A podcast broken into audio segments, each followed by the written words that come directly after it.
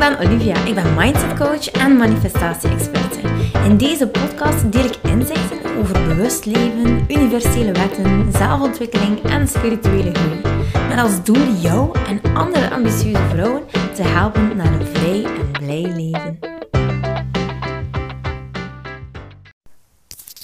Hey. Ik kreeg een vraag onlangs van iemand die zei: Olivia, ik ga op ik ben alleenstaand, maar eigenlijk helpt deze podcast echt voor iedereen die ouder is en die in alignment wil zijn met de aanwezigheid van de kinderen. En die vroeg mij, oh, jongens, ik, uh, ik krijg er soms kriebels van als um, mijn kind een beetje het gedrag van de papa gaat kopiëren. En die zoveel omstandigheid en monden en uh, voilà. Ik vind dat eigenlijk echt super vervelend dat we ja, dat, dat ik voel dat het niet klikt op sommige momenten. Dat, er, eh, ja, dat mijn kindje eigenlijk niet wil meewerken met mij. En ze vroeg mij, Olivia, hoe kan ik daar eigenlijk mee omgaan? Wat moet ik daarvoor doen om dat toch zo ver te krijgen dat ik daarmee kan omgaan? En uh, ik vond dat eigenlijk een super interessante vraag, omdat ik denk dat dat een van de grootste uitdagingen is. Uh, als moeder en als, ja, zeker als je als moeder ondernemer bent om dat echt gewoon helemaal in, uh, in alignment te krijgen. Um, je gewoon echt, ja, ook in het moment kan zijn. Want dat is eigenlijk hetgene dat het kind verwacht van jou. Het kind verwacht dat je eigenlijk uh, alleen maar met dat kind bezig bent. Het kind is dikwijls gefrustreerd als het niet genoeg één op één aandacht krijgt. En voilà, dat is al één stap. Plus jouw stressniveau, jouw spanningen die je in je lijf meedraagt, die zijn giga besmettelijk. yes, een kind voelt het. Het is precies ja, een energetisch wezentje die alles, alles opneemt. Dus ja, je moet zelfs niet proberen om het te verstoppen. Het is er gewoon zo. Dus in het beste geval ben jij bij jouw kind helemaal in the moment. Kan je ook gewoon echt genieten soms denken we, kijk eens, een vlindertje. Ik moet nog altijd manifesteren dat er een vlinder op mijn schouder komt zitten. De vorige keer is hij in mijn haren vloog. dat is niet zo aangenaam, maar goed. En uiteindelijk um, is het zo dat...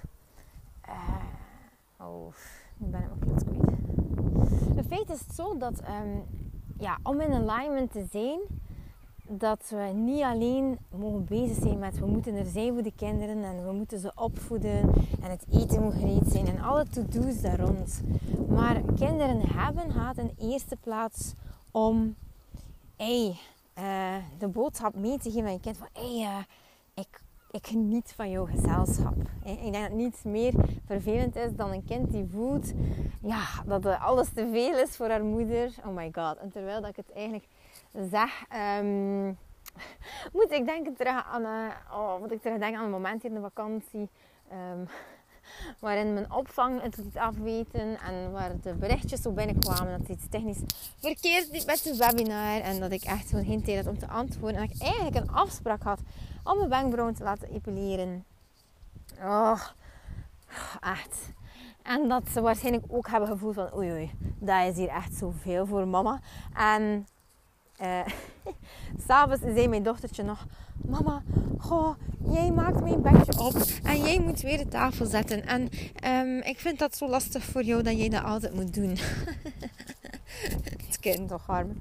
Dus ja, dus ze heeft duidelijk de boodschap gekregen dat het op dat moment echt lastig was. Dus um, dat is zeker een voornemen van mij om dat gewoon steeds opnieuw en opnieuw en opnieuw te doen. En me steeds te gaan herinneren aan het feit van... Hé, hey, ik ben niet de moeder die moet zorgen voor de kinderen. Ik ben niet de moeder die... Uh, hey, dat alle de focus moet liggen op eten prepareren en al de stof die erbij komt. Nee, ik ben in eerste plaats mama die echt aan haar kind wil laten zien. En het ook echt zo zelf gaan ervaren van... Hé, hey, ik ben eigenlijk super blij dat je bij mij bent. Ik kan genieten van, je, van jouw bijzijn. Ik, ik geniet van het moment, van je energie rond mij. Dat is echt komiek, hè. En over laatst viel mij Frank eigenlijk nog. Ik zei van, hey, soms heb ik wel, uh, als er veel energie rond mij geweest is, maar eigenlijk is het altijd wel zo dat je zo prikkeltjes binnenkrijgt. Uh, of, of, je ouders zijn komen eten, of je schoonouders zijn er geweest.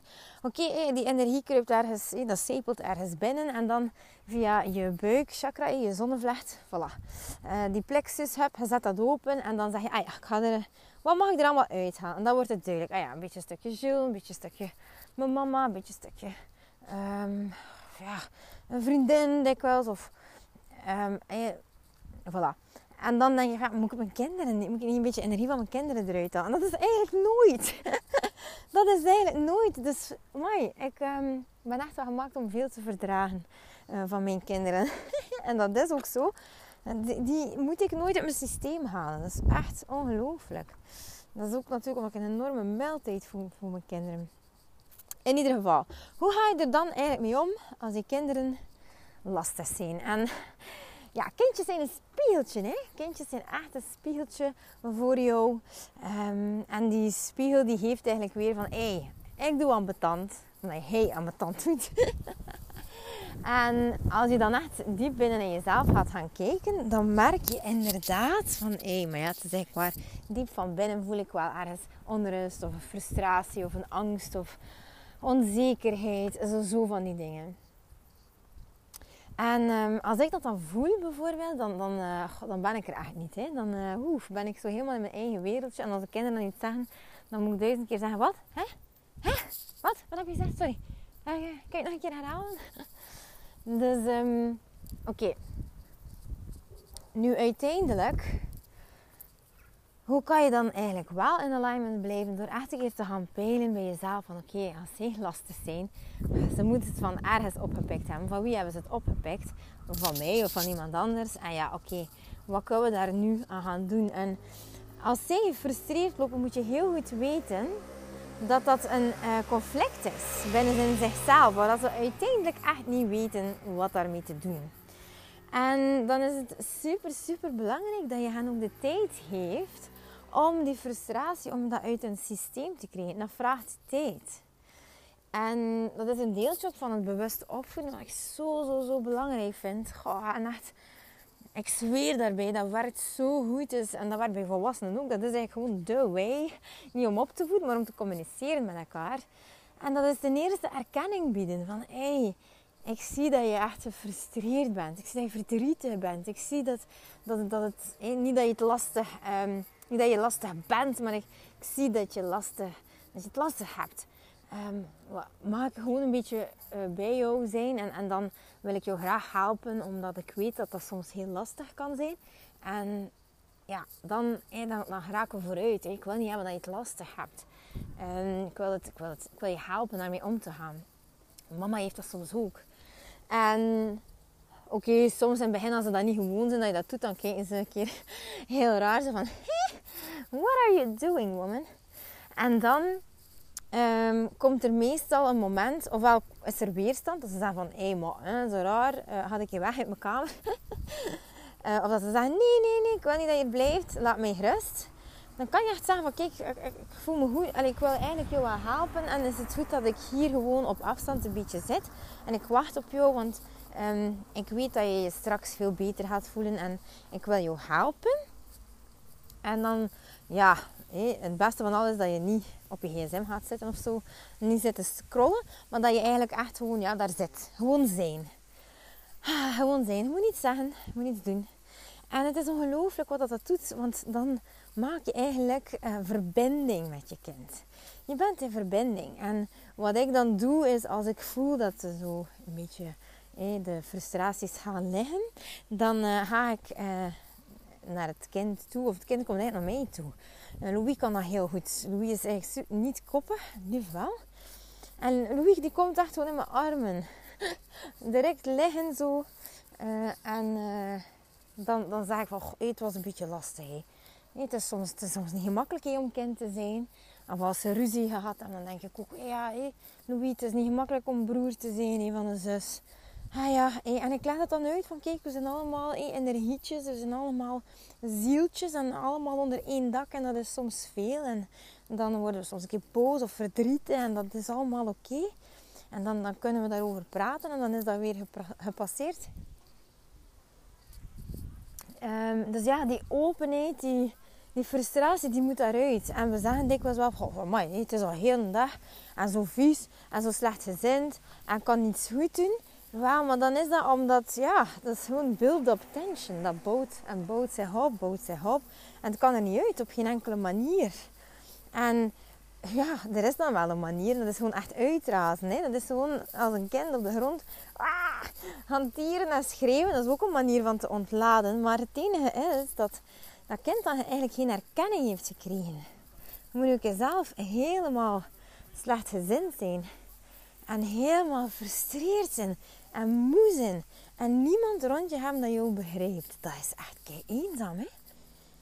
En dan gewoon één iemand één iemand. En ik merk dat ook zo in, um, ja, in uh, verschillende coachingsgesprekken.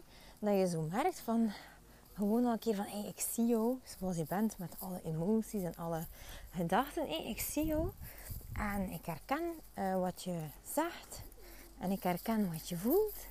En dan, voilà, dan valt er echt oh, zoveel gewicht van die schouders. Die ontlading is daar ook. En uh, dan is het zo van, oh my god, hij begrijpt mij. En dat is enorm wat dat, dat doet voor een mens. Dat is enorm. Dus, ja, het is toch wat. Het is ongelooflijk. Het is ongelooflijk wat dat, dat doet. Dus ik zou zeggen, geef je kind ook gewoon die ruimte. En ga aan de slag daarmee dat, dat jouw kind zich begrepen voelt. En dan doe je dat gewoon bij jezelf. Want de oorzaak ligt meestal bij jezelf. En ik bedoel dat niet slecht.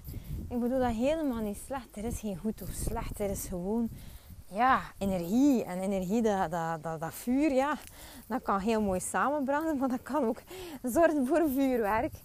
En uh, dat is ook allemaal oké. maar weet gewoon dat dat ook echt wel aan jezelf uh, ligt. En dat het een hele mooie uh, oproep is van het universum. Van, hé, hey, ga een keer naar dat gaan kijken heel vaak ligt er um, iets dat jou triggert om boos te worden op je kind. Of iets dat jou triggert om, ja, niet alleen boos, maar ja, echt uh, helemaal in overwhelm te geraken.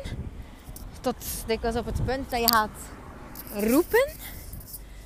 Ja, dat, dat is echt een trigger van vroeger. Dat is echt iets dat nog moet opgelost worden. En bij mij bijvoorbeeld, als ik...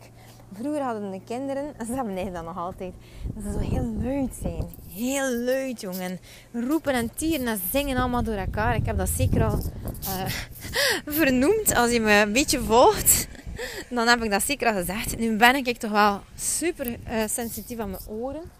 En ik weet als er zoveel lawaai is, veel verschillende lawaaitjes en we staan allemaal in de badkamer, dan is dat enorm. dat is echt zo zot van te worden.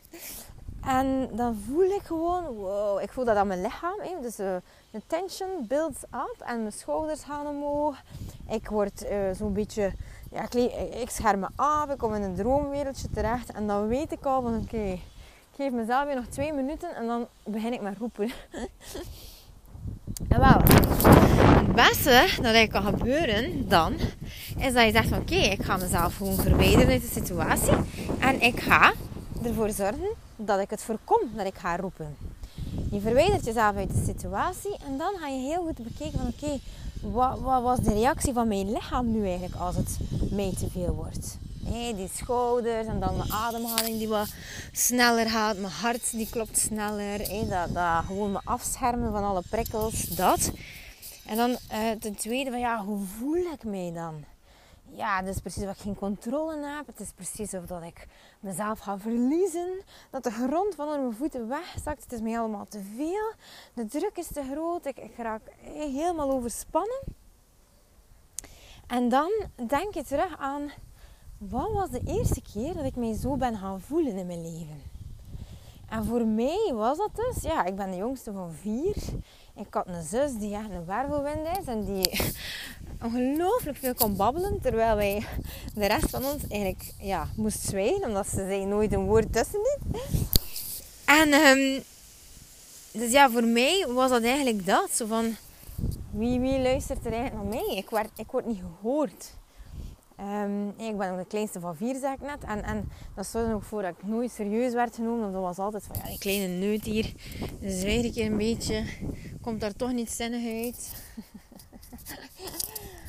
ah ja, voilà. Dus dat. En jij kan dat ook te weten komen bij jezelf, wat dat, dat precies is. En zo maak je dus verbinding met je innerlijke leefwereld. En dat is super interessant. Super interessant. En een keer dat je het weet, een keer dat je het weet, dan weet je het gewoon. En dan uh, word je bewust van de symptomen, van hoe ga ik me gaan voelen. En uh, wat, wat mijn lichaam, wat straal ik uit. En voilà, en dan, uh, ja, de volgende stap is gewoon dat je terug gaat naar de tijd en denkt, ah ja, dat komt daardoor, voilà. En zo kan je het ook gewoon heel makkelijk voorkomen. Gewoon echt voorkomen dat, dat er eigenlijk nog iets gebeurt dat overkomt mij zelden. Zelden. En van mijn man eigenlijk ook. Dat is ongelooflijk. Ah, nu zeg ik man. De vorige, vorige podcast zei ik nog. Ah, ik zeg vriendje tegen mijn lief. Uh, zeg het nu weer. Tegen, tegen mijn man. Ik moet daar iets aan doen. Uiteindelijk ben ik nog niet gaan kijken wat er uh, achter zit. Maar goed. Oké, okay, lieveling, ik hoop dat je hier ongelooflijk mee heb kunnen helpen. Ga een keer gaan kijken bij jouw kindjes uh, wat daar allemaal zit. En ga zeker een keer gaan kijken uh, wat er bij jou allemaal in de diepte zit. En uh, ik weet zeker dat het een zeer waardevolle les is. Of eerder ja, een, een soort van trauma, kwetsuur. Die een keer mag aangekeken worden. En de volgende stap zou eigenlijk kunnen zijn dan verbinding maken met je innerlijke kind. En naar een keer hoe knuffelen. Een keer hoe knuffelen en een keer hoe laten uithuilen. Omdat ze nooit werd gezien of niet herkend werd. Of um, dergelijke. Oké, okay, lieveling. Ik wens je een fantastische dag toe. Doei! Lieveling, dankjewel dat je luistert. Ik ben blij dat je erbij was. Mag ik je alsjeblieft vragen in ruil voor deze gratis content mij wat sterkes te geven op Spotify of op iTunes. Of stuur je bevindingen door per DM op Instagram. Zo help je mij om andere vrouwen te helpen om hun weg te vinden naar het vrij en blij leven. Ik hoop dat je er de volgende podcast weer bij bent. Ik ben je eeuwig dankbaar. Tot dan. Dikke kus.